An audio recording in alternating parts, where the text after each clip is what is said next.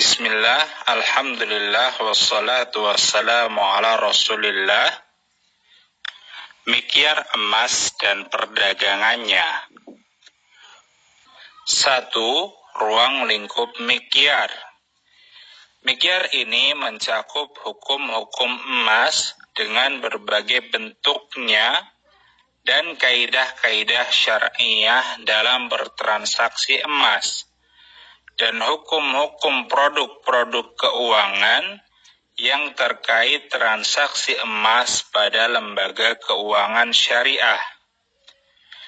Mikir ini tidak mencakup hukum-hukum terkait logam mulia selain emas dan perak, dan tidak pula mencakup hukum-hukum jual beli mata uang karena ada mikir khusus yang membahasnya. Dua, hakikat emas dan karakteristik syariahnya. Emas yaitu bahan tambang yang bernilai logam mulia sebagaimana telah dikenal. Emas termasuk barang misliat mauzunat. Footnote 1, misliat adalah barang semisal Mauzunat adalah barang yang diukur dengan cara ditimbang. Dasar hukum emas termasuk misliat adalah selarasnya definisi misliat atas emas, yaitu berat atau hitungan. Emas diperkirakan dengan berat. Jika emas berbentuk koin, misalnya uang logam emas, setiap satuannya memiliki berat yang sama. Yang ini merupakan sifat yang umum dari barang misliat dan termasuk komoditas ribawi. Footnote 2 Dasar hukum emas termasuk komoditi riba adalah hadis-hadis yang datang tentang riba baik di antaranya hadis yang diriwayatkan oleh Ubadah bin Samit radhiyallahu anhu dari Nabi sallallahu alaihi wasallam, "Adz-dzahabu bidz-dzahab mithlan bimithlin, fa idza ikhtalafat hadhihi al-asnaf fabi'u kaifa syi'tum idza kana yadan biyadin." Emas dengan emas ditukar dengan semisalnya jika jenisnya berbeda, maka jualah sesuai kehendak kalian, asalkan dengan serah terima secara langsung. Hadis riwayat Muslim. Yang berlaku padanya hukum-hukum soraf. Footnote 3, soraf adalah jual beli mata uang. وصلى الله على نبينا محمد وعلى آله وأصحابه وسلم والسلام عليكم ورحمة الله وبركاته بسم الله الحمد لله والصلاة والسلام على رسول الله Tiga, hukum jual beli emas.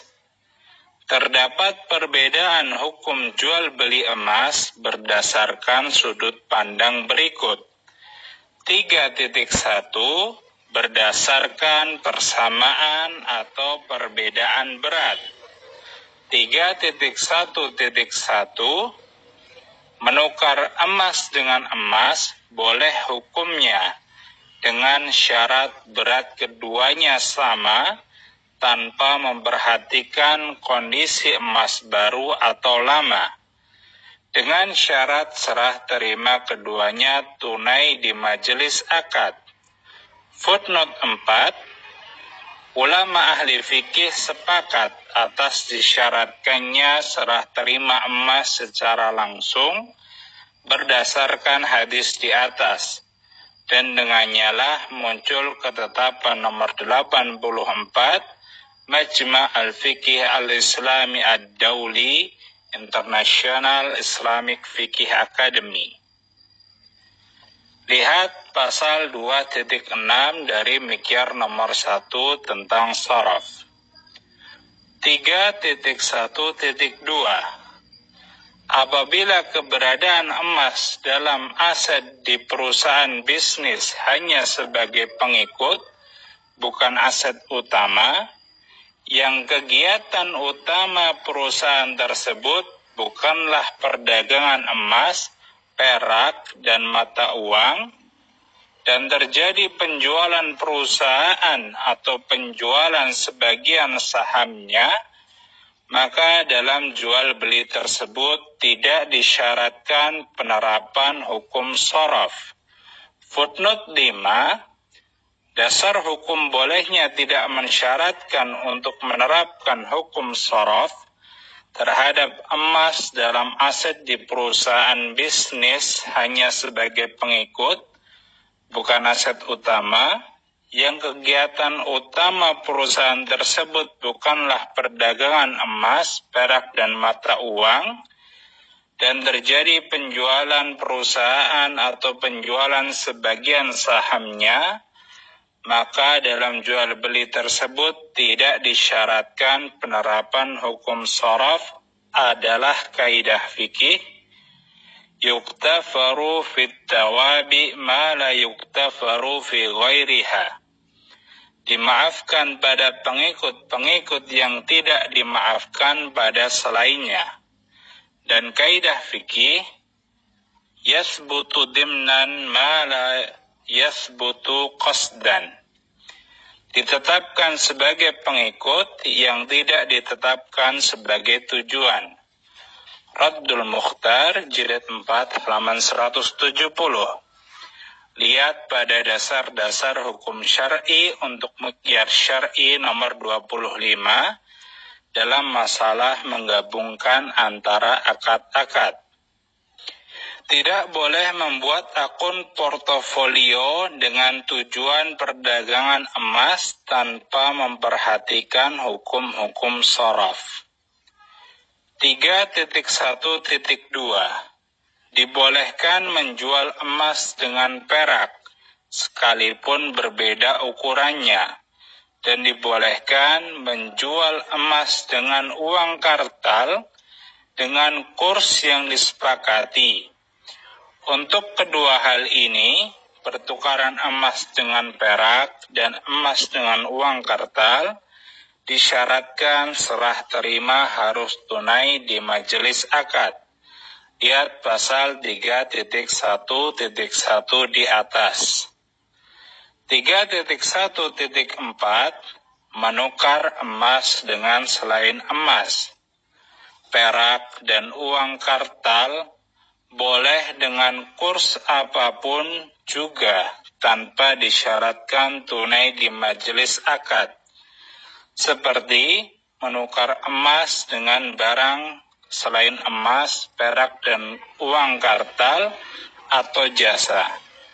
Footnote 6 Dasar hukum bolehnya menjual emas dengan selain emas, perak, dan uang tanpa disyaratkannya serah terima tunai langsung di majelis akad adalah ijma atas bolehnya akad jual beli salam yang salah satu objeknya terkadang emas.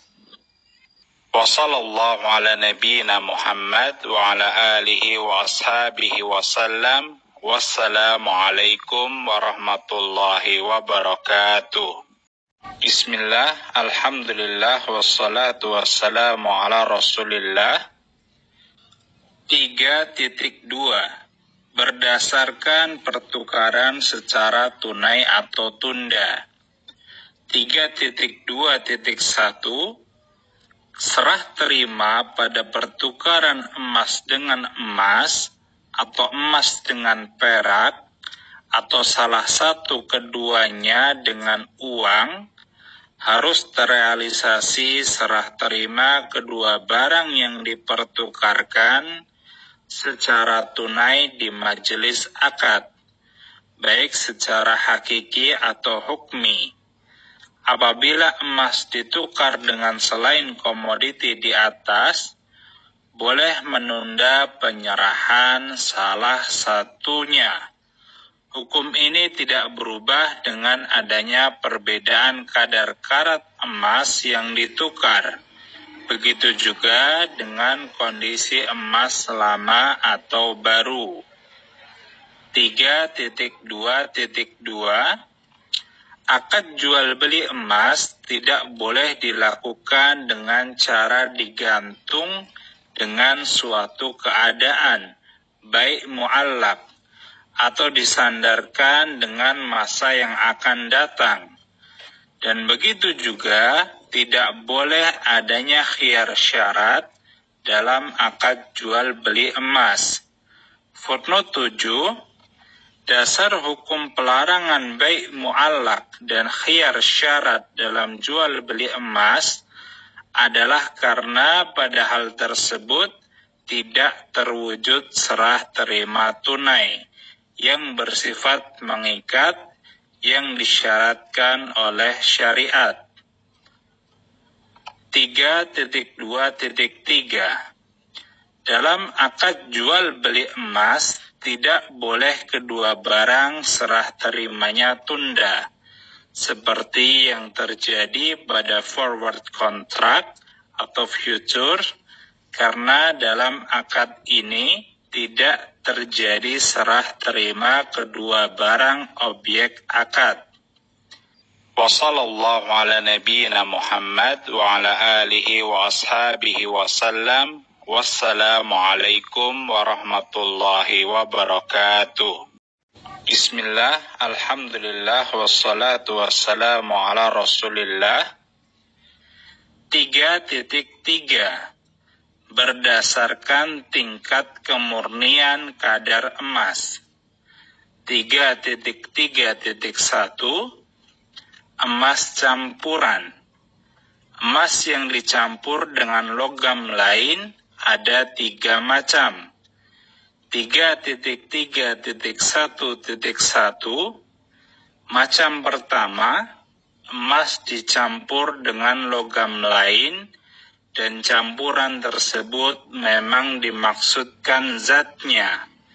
Beberapa bentuk di antaranya, satu, Bentuk pertama, emas yang dicampur dengan perak. Bentuk ini boleh ditukar dengan emas murni atau perak murni dengan syarat serah terima keduanya tunai dan emas murni atau perak murni harus lebih berat dari emas atau perak yang terdapat pada emas campuran. Apabila emas murni atau perak murni sama beratnya dengan emas atau perak yang ada pada campuran atau lebih ringan, maka tidak boleh dipertukarkan. Dan jika ditukar dengan emas campuran perak atau ditukar dengan uang, hanya dipersyaratkan tunai. Footnote 8 Dasar hukum jual beli emas campuran perak dengan emas murni atau perak murni dengan syarat serah terima tunai dan emas yang murni harus lebih berat dari emas campuran perak adalah karena emas murni merupakan objek yang ditukar dengan emas campuran yang sama beratnya sehingga tercapailah kesepadanan. Dan kelebihan berat dari emas murni sebagai penukar dari perak. Ini adalah pendapat ulama Hanafiyah. Dua, bentuk kedua, emas yang dicampur dengan selain perak. Bentuk ini ada dua macam. A nisbah emas murninya lebih dari 50%, maka boleh ditukar dengan emas murni dengan syarat serah terima keduanya tunai dan dengan syarat emas yang murni lebih berat dibandingkan dengan emas yang sudah dicampur, sehingga kelebihan berat pada emas murni adalah imbalan dari zat non-emas dalam campuran tersebut. Perak murni atau emas yang dicampur dengan selain perak atau ditukar dengan uang kartal. Syarat sahnya hanya serah terima tunai saja. Ditukar dengan selain perak dan uang kartal, maka tidak disyaratkan tunai. B.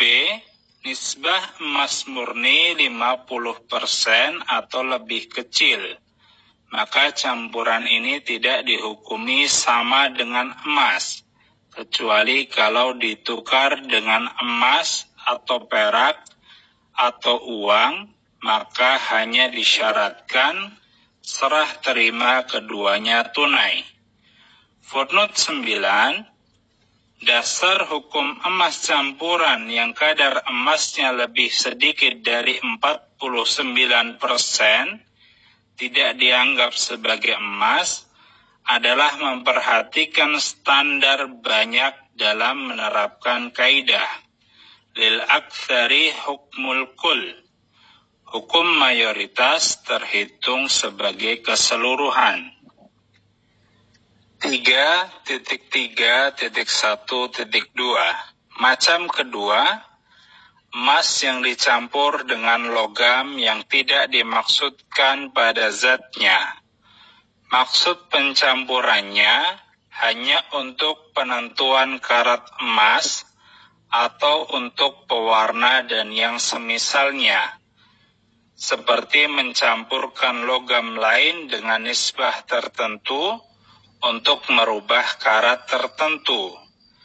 Contoh 21 karat atau 18 karat. Dalam hal ini, logam yang dicampurkan ke emas tidak dimaksudkan zatnya.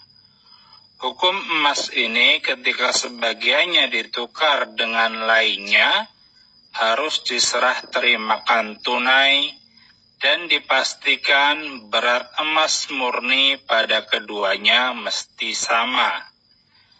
3.3.1.3